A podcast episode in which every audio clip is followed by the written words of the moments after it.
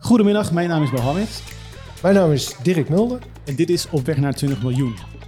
Waar we gaan praten over het verschil tussen fysiek en online. En hoe je ervoor zorgt dat je webshop winstgevend kan worden. En een belangrijke vraag: moet ik gaan verkopen via platformen? Wij zijn eh, in de studio met eh, Dirk Mulder. Dirk, welkom. Leuk om hier te zijn. Ik eh, vind het fantastisch, want eh, ik ben natuurlijk elke keer aan het kijken naar LinkedIn-profielen. Eh, en ik zag bij jou staan 31 jaar al econoom. Vertel eens. Eh, ja, nou ja, eh, econoom. Ik ben 31 jaar geleden begonnen bij de bank. eh, en eh, ben daar blijven hangen. Ja, weinig ondernemend hè. Maar het is wel, inmiddels heb je wel heel veel verschillende dingen gedaan, neem ik aan, in de afgelopen 30 jaar. Eh, ook dat valt eigenlijk best wel, eh, best wel tegen. Nee, ik, eh, ik heb inderdaad in de commissie op een kantoor gezeten. Ben daarna wat op een grote kantoor in Amsterdam terechtgekomen. Dat beviel me eigenlijk best heel goed. Amsterdam en de omgeving. Ehm vandaar de Riststraat ingekomen. En ehm, toen had ik eigenlijk al de food retail als aandachtsgebied. Ja. En dat ben ik eigenlijk in deze huidige baan ben ik dat door gaan zetten. Retail en groothandel daarbij getrokken. Mhm. En dat bevalt me eigenlijk zo goed dat eh, eh, ik denk van nou ja, Ja. weet je, waarom iets anders? Ja, heel gaaf. Ehm, waar wij het over gaan hebben is eh, ook retail, maar dit keer niet fysiek retail, maar online retail. Mhm. Ehm, we hebben ondernemers die hebben retail, die doen retail, fysieke retail. Nu doen ze Mhm. ook online retail. En ik wil het eigenlijk hebben over de vraag hoe verhouden die zich tot elkaar? De vraag die we hebben is, hoe zorg je ervoor dat je als webshop winstgevend wordt? Ehm, en hoe dat anders is dan een fysieke winkel. Kun je daar wat over zeggen? Eh, ja, Ehm, la- laten we eerst beginnen eh, met eh, je eerste vraag. Hè? Van, we, zien natuurlijk dat e-commerce belangrijker is geworden. Dus de vraag is, moet elke ondernemer überhaupt met e-commerce beginnen? Nou, even als je dat opknipt, mijn zinziens, hè, als je praat over e-commerce, dan heb je het over drie, drie dingen. Eén, iedereen, iedere retailer eh, zou een webshop moeten hebben. Zou ook een professionele webshop moeten hebben. Hè. Eh, zo af en toe dan kom ik nog wel eens met bedrijven in het kleinbedrijf, een bakker of een fietsenmaker of weet ik veel wat. Waarvan ik denk van ja, dit is wel een hele oudbollige site. En ik vraag me af of dat nog werkt in deze tijd. Hè. Dan kan je zeggen, het is eh, authentiek. Het geeft ja, eh, misschien iets weer over deze ondernemer. Maar ik denk dat dat niet meer kan. Ja. Die webshop zal in ieder geval, of die website zal in ieder geval moeten eh, bestaan uit waar ben je gevestigd, eh, wat, wat verkoop je, wat openingstijd, et cetera, et cetera. Tweede, wat volgens mij een basisvereiste is, is dat je toch met je consumenten zal moeten communiceren. Ja. Eh, tegenwoordig kom je er niet meer omheen, mijn zinziens, om via social media contact te zoeken met je klant. Eh, de fysieke folder die gaat verdwijnen, de kranten gaan verdwijnen. Dus je zult dat op een of andere manier digitaal kunnen doen. En het voordeel van social media is dat je het ook heel persoonlijk kan doen. Hè? Want je kan heel veel informatie ehm, eh, over je consument verzamelen. Dan kom je bij drie, dat is dan de webshop. Daarvan heb ik heel lang gezegd van ja, je hebt aan de ene kant heb je hè, zeg maar de lokale ondernemer, de local heroes. En aan de andere kant heb je de grote e-commerce bedrijven. En je zag de ontwikkeling dat steeds meer ketenbedrijven die gingen dat e-commerce daar ook bij doen. Hè? En dat werd steeds belangrijker. Dus dan krijg je zeg maar de omnichannel modellen. Hoe ga je als lokale ondernemer, hoe ga je nog vindbaar worden in, in, in, in dat omveld, in hè, die wereld? Eh, je kan vaak hè, niet op tegen de enorme marketingbudgetten van die grote partijen. Ehm, dus misschien met een uniek product. Maar voor de rest is het best heel lastig en kost het heel veel geld en heel veel inspanningen.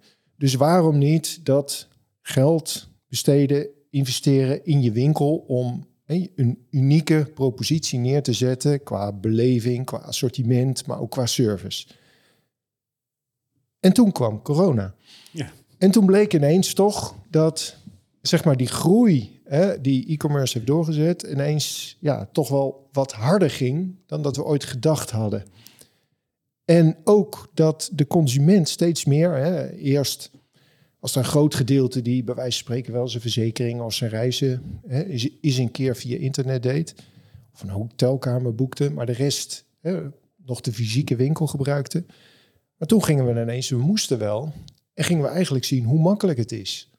En niet alleen hoe makkelijk het is, maar het is vaak tegenwoordig als je in een winkel komt, zijn bepaalde producten niet meer voorhanden. Dus, nou ja, weet je, dan ga ik wel naar huis en dan kijk ik wel waar ik het ergens op internet kan vinden. En dan heb ik het de volgende dag ook in huis. Dus ik zie die, die, eh, eh, eh, die verkoop via internet heeft een versnelling doorgemaakt. En die versnelling die, dat gaat de komende jaren nog wel door. Het belang van e-commerce neemt toe. Dat betekent dus ook voor retailers, ook voor lokale ondernemers, dat het belang van e-commerce ook steeds voor hen ook steeds belangrijker wordt. En op het moment dat je daar niet in meegaat, ga je gewoon een deel van je omzet en van je klanten ga je gewoon missen. En, en daarom ehm, doen ook de meeste retailers eh, hebben een webshop. Klopt. Heel veel. Alleen de vraag is, ja, is dat ook rendabel? Ook dat ligt eraan hoe je daar, hoe je daar tegenover kijkt. Hè. De, eh, eh, het lastige is dat het een, een andere kostenstructuur heeft. Ja. Eh, en op het moment dat je investeert in je webshop, dan gaat dat deels ten koste van de omzet in je winkel. Ja. Dus daar zul je rekening mee moeten houden. Aan de andere kant, misschien trek je ook wel een andere doelgroep aan, trek je andere soortige mensen aan. Ehm, da- hè, dat biedt ook weer kansen. De kostenstructuur van een fysieke winkel zit hem voornamelijk in je personeelskosten en je huur. Eh, de kosten van je eh, webshop zitten hem voornamelijk in je marketing. Hè, hoe haal je de klanten, hoe haal je die binnen? Ja. En belangrijker nog, hoe hou je ze vast? Dus dat vraagt een hele andere manier van, van denken. Hè? Bij, bij eh, een fysieke winkel gaat het erom, ik koop in, ik heb mijn kosten en onder de streep hou ik wat over. Bij e-commerce is het veel meer, wat kost het mij om een klant binnen te halen? En wat kan ik over de lifetime genomen aan die klant verdienen? En dat moet ik tegen elkaar afwegen. Ja, en, en dus die vergelijking is zo interessant. Want je moet, eh, als je vanuit fysiek naar online gaat denken, die taalslag maakt, moet je op sommige punten moet je gaan omdenken. Ehm, je had het net bijvoorbeeld over de local hero. Ehm, nou, in principe, hoe ging het voorheen eh, eh, van gang? Ehm, je opent een zaak op een drukke straat en dan probeer je via die weg mensen binnen te halen. Nou, die straat die is nu online en is overal. Die is op, eh, Facebook misschien, misschien op Instagram als je bijvoorbeeld fashion verkoopt, maar die is ook op bol.com en die is op je e-commerce website. Dus het is een hele andere manier van denken over, eh, over, over je onderneming. Wat, ehm, eh, ik, ik, ik heb dus gisteren ging zoeken op vliegers. Waarom? Omdat ik benieuwd was of er een vlieger webshop was. En die is er. Die webshop, ehm, als je dat vergelijkt met zeg maar een beetje de status quo, is dat vrij oud.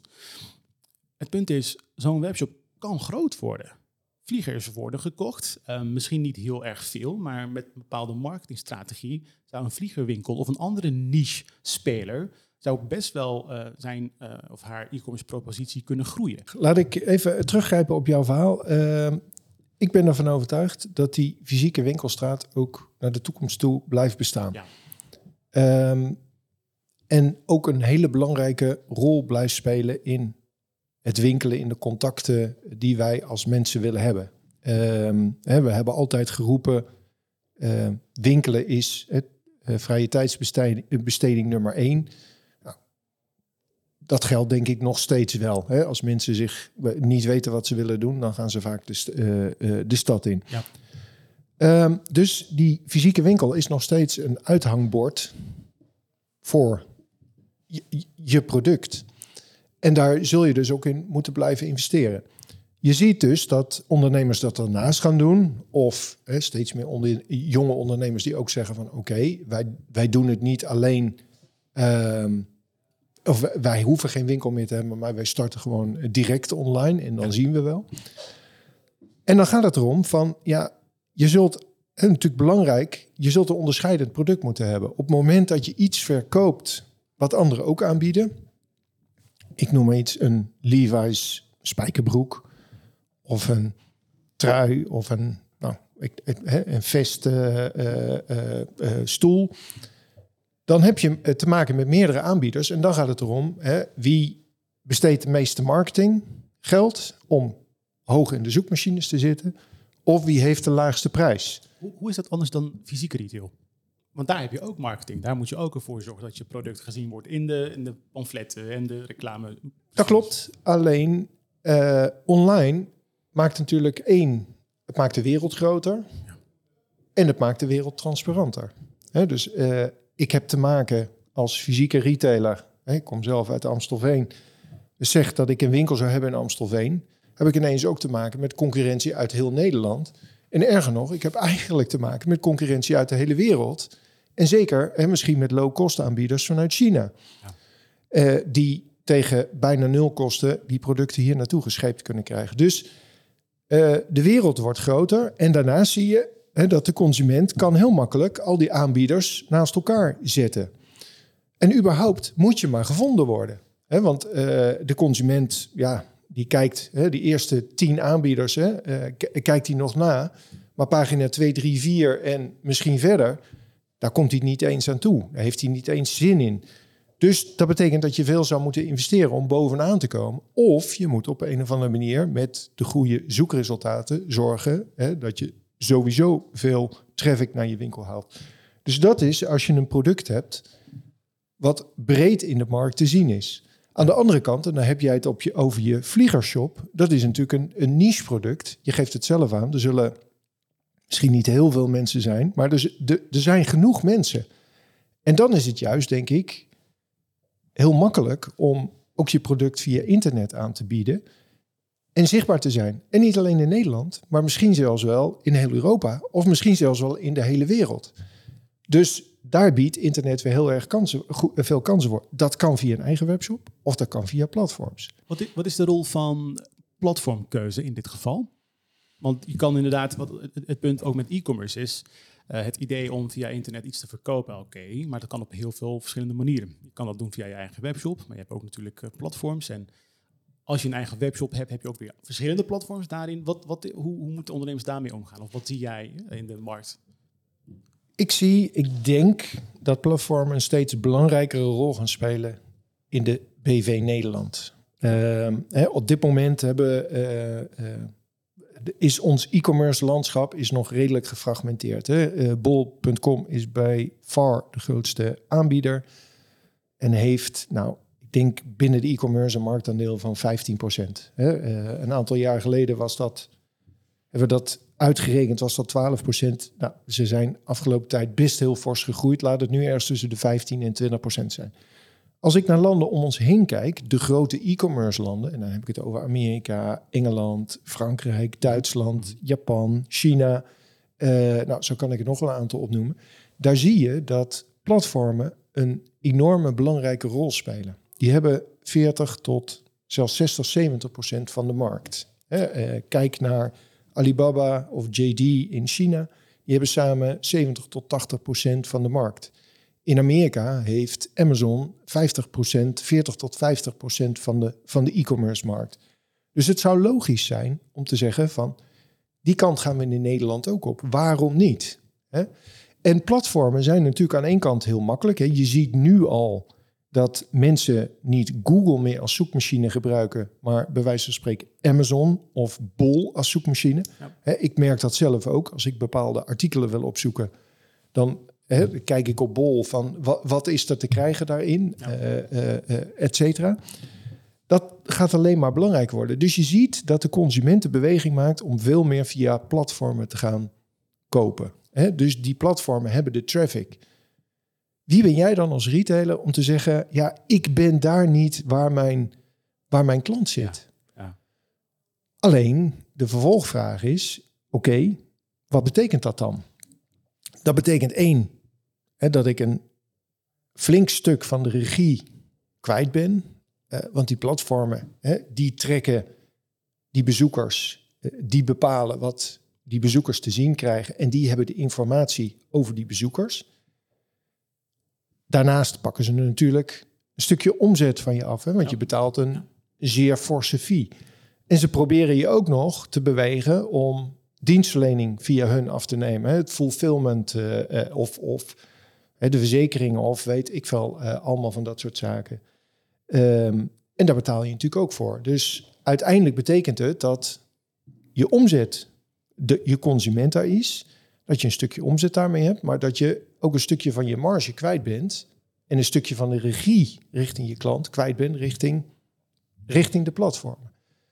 En daarvoor zul je dus moeten kijken, hoe kan je daar dan weer slim mee omgaan om toch nog, hè, eh, ik verkoop via, de, uh, uh, via platform, maar hoe kan ik dan toch nog informatie over die klant krijgen? Natuurlijk, je hebt sowieso, hè, als, jij, als jij de verzending doet, heb je de adresgegevens.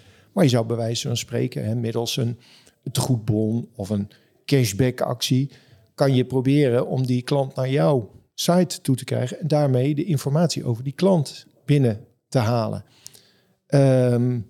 Hè, het voordeel van platformen is vaak dat ze een groter bereik hebben, niet alleen in Nederland, maar ook in het buitenland. Dus je kan ook je markt vergroten. En ondanks dan de lagere marge kan het natuurlijk toch heel interessant zijn. Je zou, ik hoor retailers die zeggen: Oké, wij gebruiken. Voor Nederland werken wij niet met platformen. Dat doen wij via onze eigen, eigen website. Maar Duitsland, België, Frankrijk doen wij via platformen. Daarmee halen we een hogere omzet en kunnen we betere inkoopcondities bij onze leveranciers krijgen. Wat ook weer geldt voor de Nederlandse markt. Dus zo moet je denk ik slim bezig zijn en kijken van goh, werken platformen voor mij of werkt dat niet? En, ja, en ik, ja. ik, denk, ik, denk, misschien ook dat het niet een uh, of-of verhaal is, maar gewoon en-en. Kan. Ja. Het, het, het, het, zou kunnen. Ik denk dat je, dat je... Eh, kijk, er is geen één weg naar succes. Ja, dat is waar. Dus je zult elke keer moeten kijken, wat is voor mij het meest optimale kanaal? Als ik een product heb, neem weer even die Levi's broek, dan kan ik wel zeggen, ik ga het via platformen ver, uh, verkopen. Maar als ik onwijs veel geld kwijt ben om bovenaan terecht te komen, hè, zeg maar in die, die succesbox of die, die, die populariteitsbox van, uh, van Amazon of van, van bol.com, ja, dan ben ik misschien al mijn winst ben ik kwijt. Hè? Want ik, ik ja, uh, ik ben misschien niet vindbaar daarop. En ik moet ook nog aan allerlei eisen voldoen. En uh, ik moet ook nog voorraad opzij houden. Want als een order via Bol komt, hè, dan, dan moet ik hem ook direct kunnen leveren. Dus daar zul je heel goed over na moeten denken. Alleen, daarom denk ik, wij gaan naar een omnichannel uh, retail propositie. En je zult voor jezelf een hele goede strategie moeten maken. Hoe ga ik naast elkaar zetten mijn fysieke winkel, als je die hebt? Mijn eigen webshop, als je die hebt. En de, uh, uh, de platformen. Uh, wat daar ook bij komt kijken, is, is, is mijn inziens het volgende. Iemand die, op vakantie gaat, die gaat naar booking.com, kijkt naar het hotelletje, komt bij de derde aan, die is mooi, die wil ik nemen. Dan gaat hij naar de eigen website van het hotel, boekt hij hem via de eigen website. Dit gebeurt ook. Dus dat mensen eigenlijk soort van in, in, in die platforms zoeken naar merken. Um, en eenmaal wanneer ze affiniteit hebben met een merk, dan gaan ze D2C.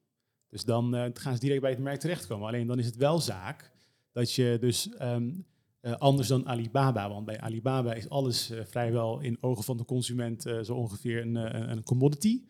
Als jij een merk kan neerzetten, bijvoorbeeld Levi's is een goed voorbeeld, dan kun je verwachten dat waarschijnlijk ook mensen gewoon zullen zoeken naar Levi's en dat ze dan bij jouw shop terechtkomen. Ik denk dat ehm, het voor retailers belangrijk is dat zij hun, hun shop uh, uh, zeg maar hun retailmerk of hun retail ombouwen tot een, tot een merk. Um, en daarop vindbaar zijn. Maar goed, dan moet je wel een eigen product hebben, een eigen propositie.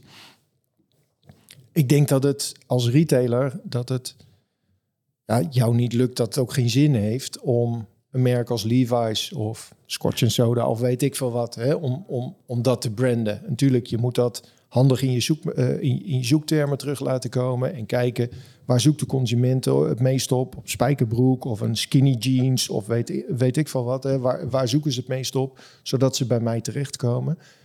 Maar daar gaat het er meer om van oké, als ik dan een, zeg maar, een, een, een, meer commodity product aanbied, hoe kom ik hoog in die zoekmachines? En dat betekent hè, gewoon investeren in zoektermen, eh, de goede zoektermen gebruiken, de juiste fotografie.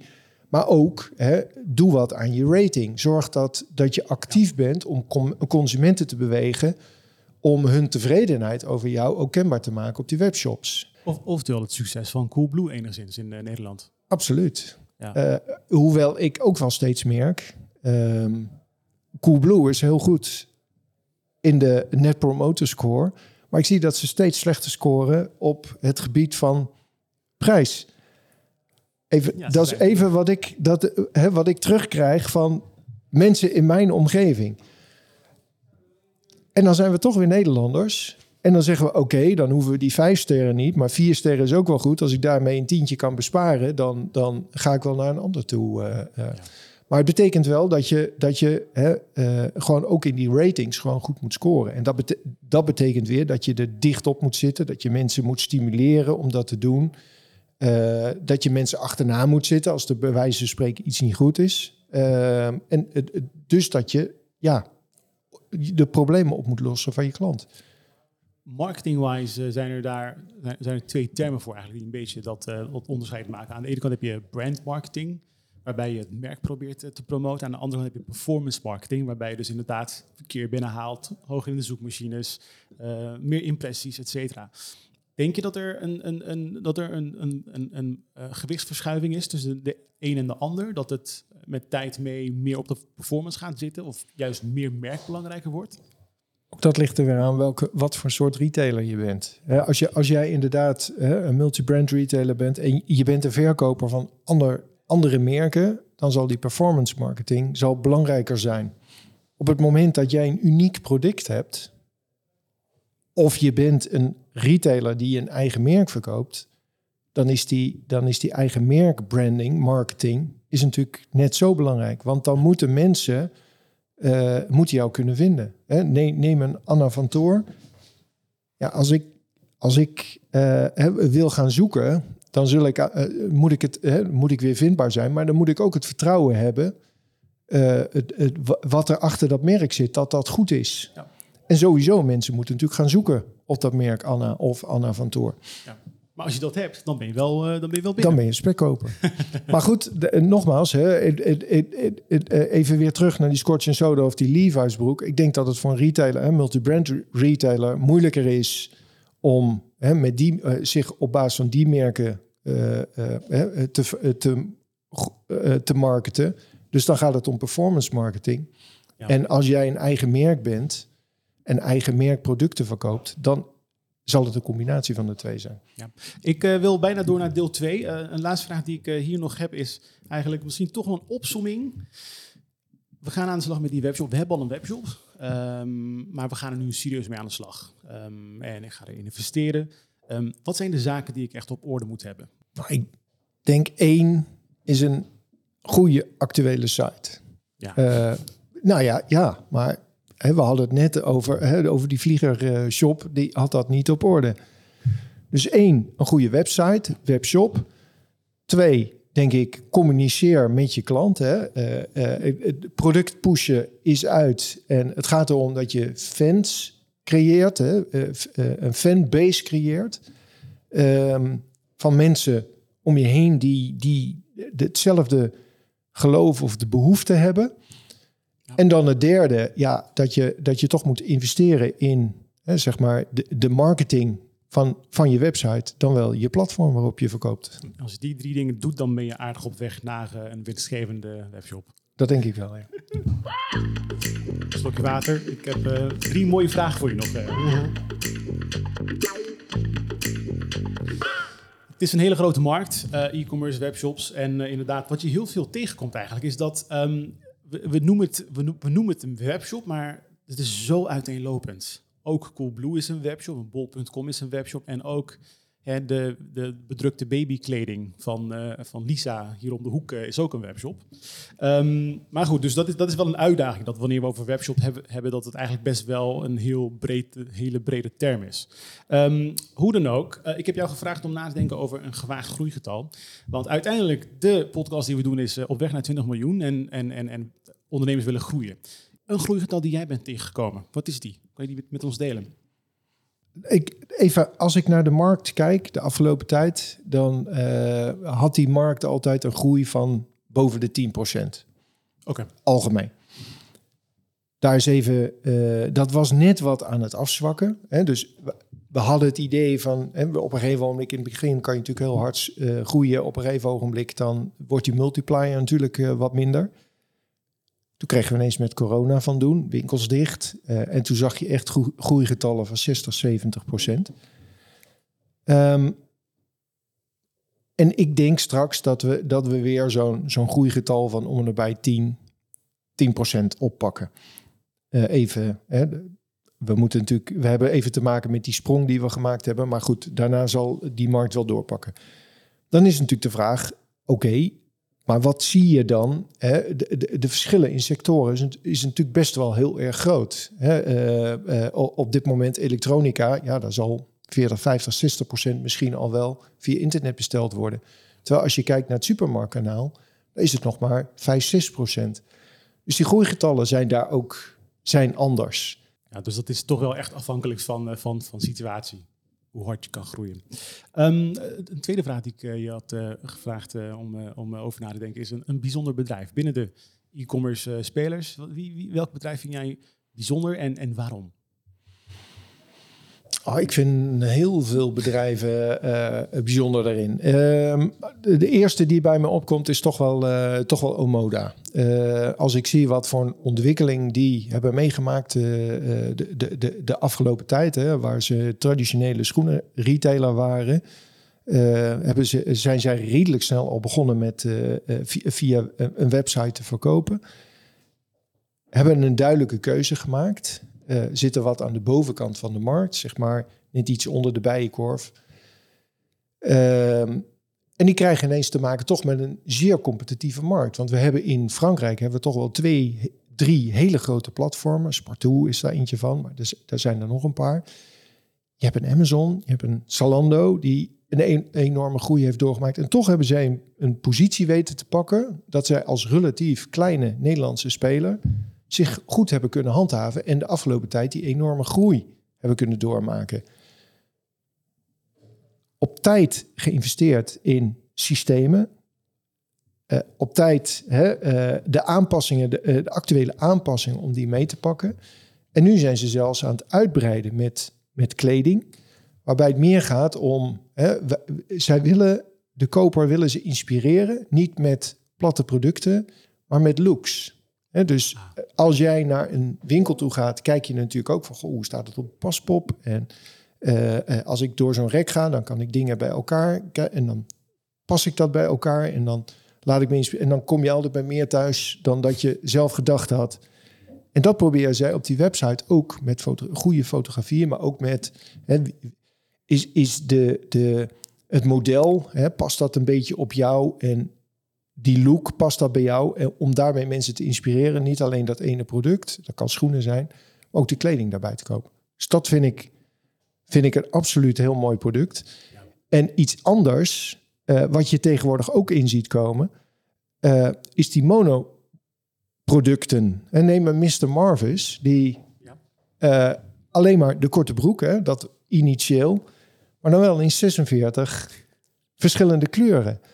En de manier zoals ze dat aangepakt hebben, uh, met, met advertenties, uh, je, je werd ermee doodgegooid, maar wel voor een bepaalde doelgroep.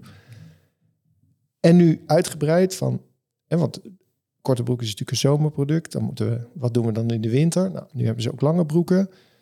Ja, het is natuurlijk hartstikke leuk zo'n webshop, maar misschien moet er ook eens een keer een winkel als, dus nu zijn, hebben ze een soort van flagship store uh, die in dezelfde look en feel zit. Ja, ik vind dat gewoon ja. heel knap en heel als, interessant. Als, als um, je noemde net uh, bij Omoda op tijd, een soort van benadrukkend. Voor beide gevallen, voor beide bedrijven. Wat is, als jij als, als ondernemers een les uit, uit zouden moeten halen, wat is het geheim, zeg maar? Want je noemt net op tijd investeren. Wat is op tijd investeren überhaupt? Of misschien is er iets anders waarvan je zou zeggen, kijk, dit wat Omoda heeft gedaan, dat is echt uh, iets wat uh, meerdere ondernemers zouden moeten doen. Wat ik een beetje het makken vind van de, van, van de retail, is dat we uh, te lang blijven hangen in ons eigen succes. Waarom zouden we moeten veranderen? Want het is toch eigenlijk altijd heel erg goed gegaan. En mijn zin zit het succes erin dat je, dat je een goed gevoel hebt met welke, welke richting gaat die markt nou op. Dat kan af en toe eens een keer betekenen dat je verkeerd zit. Dat je te vroeg bent. Of dat je verkeerde, hè, dat de markt toch een andere richting op gaat. Oké, maar wees dan zo flexibel om te zeggen: oké, we hebben erin geïnvesteerd. We zijn te vroeg, is niet gelukt, we stoppen ermee. We gaan er niet mee door.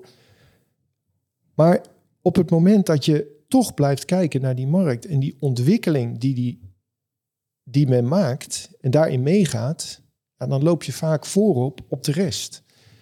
En dat betekent, mijn zinziens, dat je als retailer uit je winkel moet komen en dat je om je heen moet kijken. Kijk naar andere sectoren, kijk naar andere bedrijven. Uh, uh, ga, ondernemers vinden het altijd heel erg leuk om over hun bedrijf te, te vertellen. Stap op andere ondernemers af en vraag hoe zij dingen aangepakt hebben, waar zij tegenaan gelopen, wat, wat, wat hun missers zijn geweest, wat hun successen zijn geweest. Als, je niet, als het niet een directe concurrent is, willen mensen daar vaak heel enthousiast over vertellen om je daarin te helpen. Maar ik denk, hè, dus, dus dat wil ik zeggen, het succes van dat soort bedrijven zit erin dat zij toch vooruit durven te denken, toch hun focus houden. En beide bedrijven zijn daar een goed voorbeeld van. En op tijd weten te investeren. Op tijd investeren. Dus e-, eigenlijk gaat het ergens om um, snelheid van, van ondernemen. Want um, ja. Absoluut. maar ik laat de vraag ook maar staan. Absoluut klaar. Het gaat ja, nee, maar ja, kijk, we, zien gewoon dat, dat de ontwikkelingen in deze tijd gaan gewoon steeds sneller, sneller, sneller. En op het moment dat je, dat je, dat je nu niet meebeweegt, hè, want je, je kan heel hard roepen van ja, het gaat nu toch best goed, waarom zou ik moeten investeren? Ja, als je nu niet investeert, dan ben je over twee, drie jaar ben je gewoon te laat. Dan maak je de keuze om, oké, ik ga investeren, maar ik wil wel heel goed duidelijk hebben, perfect, helemaal waterdicht, dat het gaat werken, dan ga ik pas de stap maken. Nee, maar dat, dat kan denk ik niet in deze tijd. Want dan ben je op het moment dat je dan een werkend model hebt, zeg maar die tien, misschien die acht, gerealiseerd dat, dan ben je misschien alweer te laat. Je zou ook eens kunnen kijken van, goh, ik probeer, ik ga testen en ik ga al testend, kom ik erachter, eh, beweeg ik me langzamerhand richting, eh, richting de goede eh, de goede richting op. Maar, maar, maar kan dat wel? Want het testen, het kost kapitaal, geld, tijd, energie. Ben je Hoeft niet altijd. Ja, natuurlijk wel. Hè, even, de, als, je, als je investeert in een webshop, hè, dan kost dat vaak geld. Hoewel, tegenwoordig vallen de kosten ook wel mee. Of je bij wijze van spreken een groene webshop moet hebben of een blauwe webshop, dat kan je gewoon testen. je kan de ene groep kan je groene laten zien, de andere een blauwe. En dan kijken wat, wat slaat het beste aan. Hoeft volgens mij niet heel zo, eh, zo heel veel te kosten. En zo kun je, de, de echte e-commerce bedrijven, die doen geloof ik wel 100 testen op een dag. Ja. Van die kleine dingetjes om te tweaken. Waar, waar zet ik mijn prijs neer? Doe ik het wel met een euroteken, zonder euroteken? Zet ik het linksboven, rechtsboven? Waar laat ik uh, mijn mensen, uh, de fotografie, kijken die naar links of kijken die naar rechts? Schijnt allemaal impact te hebben. En dat, dat zijn, ja, dat is gewoon, je moet er tijd in stoppen in investeren. Je moet leuk vinden. Hoef je niet altijd zelf te doen. Daar, kun je, daar heb je ook mensen voor. Maar, uh, of kun je mensen voor inhuren. Ja. Maar uiteindelijk gaat het daar denk ik om. Gewoon blijven, blijven proberen. En, ja, dan zeg je heel mooi, want um, nou, dat is in principe hè, dat, dat is wat marketing doet. Aan de ene kant probeer je inderdaad hoog te komen in de zoekresultaten, maar aan de andere, aan, aan, aan de andere kant ga je ook steeds experimenteren met A-B-tests van wat werkt beter. En daarbij is het heel belangrijk dat je geen aannames moet doen. Want je denkt inderdaad, oh, ik ken mijn klant. Ik weet hoe het werkt. Nee, dit gaan ze fantastisch vinden. We, doen, we doen het blauw. Terwijl op een of andere manier werkt uh, groen toch beter. Dus Heel raar. Maar het is, het is, het, de consument bepaalt uiteindelijk. Ja, ja. De economie, je kan nooit voorspellen wat er gebeurt. Nee. Um, hey, uh, laatste vraag. Eigenlijk uh, is deze vraag al uh, een paar keer langs geweest, of je hebt hem een paar keer beantwoord, maar toch een keer. ongevraagd advies, mijn slotvraag. Wat wil jij nog meegeven aan, aan de luisteraar? Nou, het belangrijkste is, wacht niet af en begin, begin daarmee. ik, ik kan me best voorstellen dat er heel veel ondernemers die zeggen, hoe, oh, dat, hè, hoe moet ik dat aanpakken? Ehm, maar wacht niet af en ga, ga beginnen. Dat, dat is denk ik echt belangrijk. Stel je open, kijk om je heen. Kijk aan, de, de wereld om je heen laat heel veel dingen zien. Wat vind jij zelf prettig? En ga met mensen in gesprek en ja, laat je inspireren. Wat ik heel mooi vind dus van al deze podcasts tot nu toe, Dirk, is dat uh, elke keer als ik die, die laatste vraag stel, dan is die zo simpel beantwoord. Denk niet veel na, gewoon doen. Ga internationaal. Dat was een antwoord van, van Bas toen. Hij zei: Ga gewoon internationaal, niet te veel nadenken, gewoon doen. Ja, ik vind het toch wel mooi om dat patroon steeds zien uh, terug te keren. Maar ik kan, me, ik kan me wel voorstellen, dat merk ik ook wel vaak in gesprekken met ondernemers. Het is best wel eenzaam aan de top. Hè? Even, eh, je, je, je hebt een bedrijf. Ja. Je wil een bepaalde richting op. Ja, weet je, je, ga- je gaat dat niet bespreken met je, met je personeel. Gaat het niet bespreken met je mensen thuis. En daarom is het denk ik belangrijk om, om een groep van mensen om je heen te verzamelen. Waar je af en toe mee, mee kan sparren. Gewoon eens ideeën tegenaan houden. Of op mensen aflopen om hey, eens te horen hoe zij eh, bepaalde dingen aangepakt hebben. Misschien is dat ook een stukje advies om mee te geven. Ga gewoon lekker, eh vind lekker andere ondernemers. Ga in gesprek met elkaar. Absoluut. Dirk, eh, bedankt voor je tijd. Oké, graag gedaan.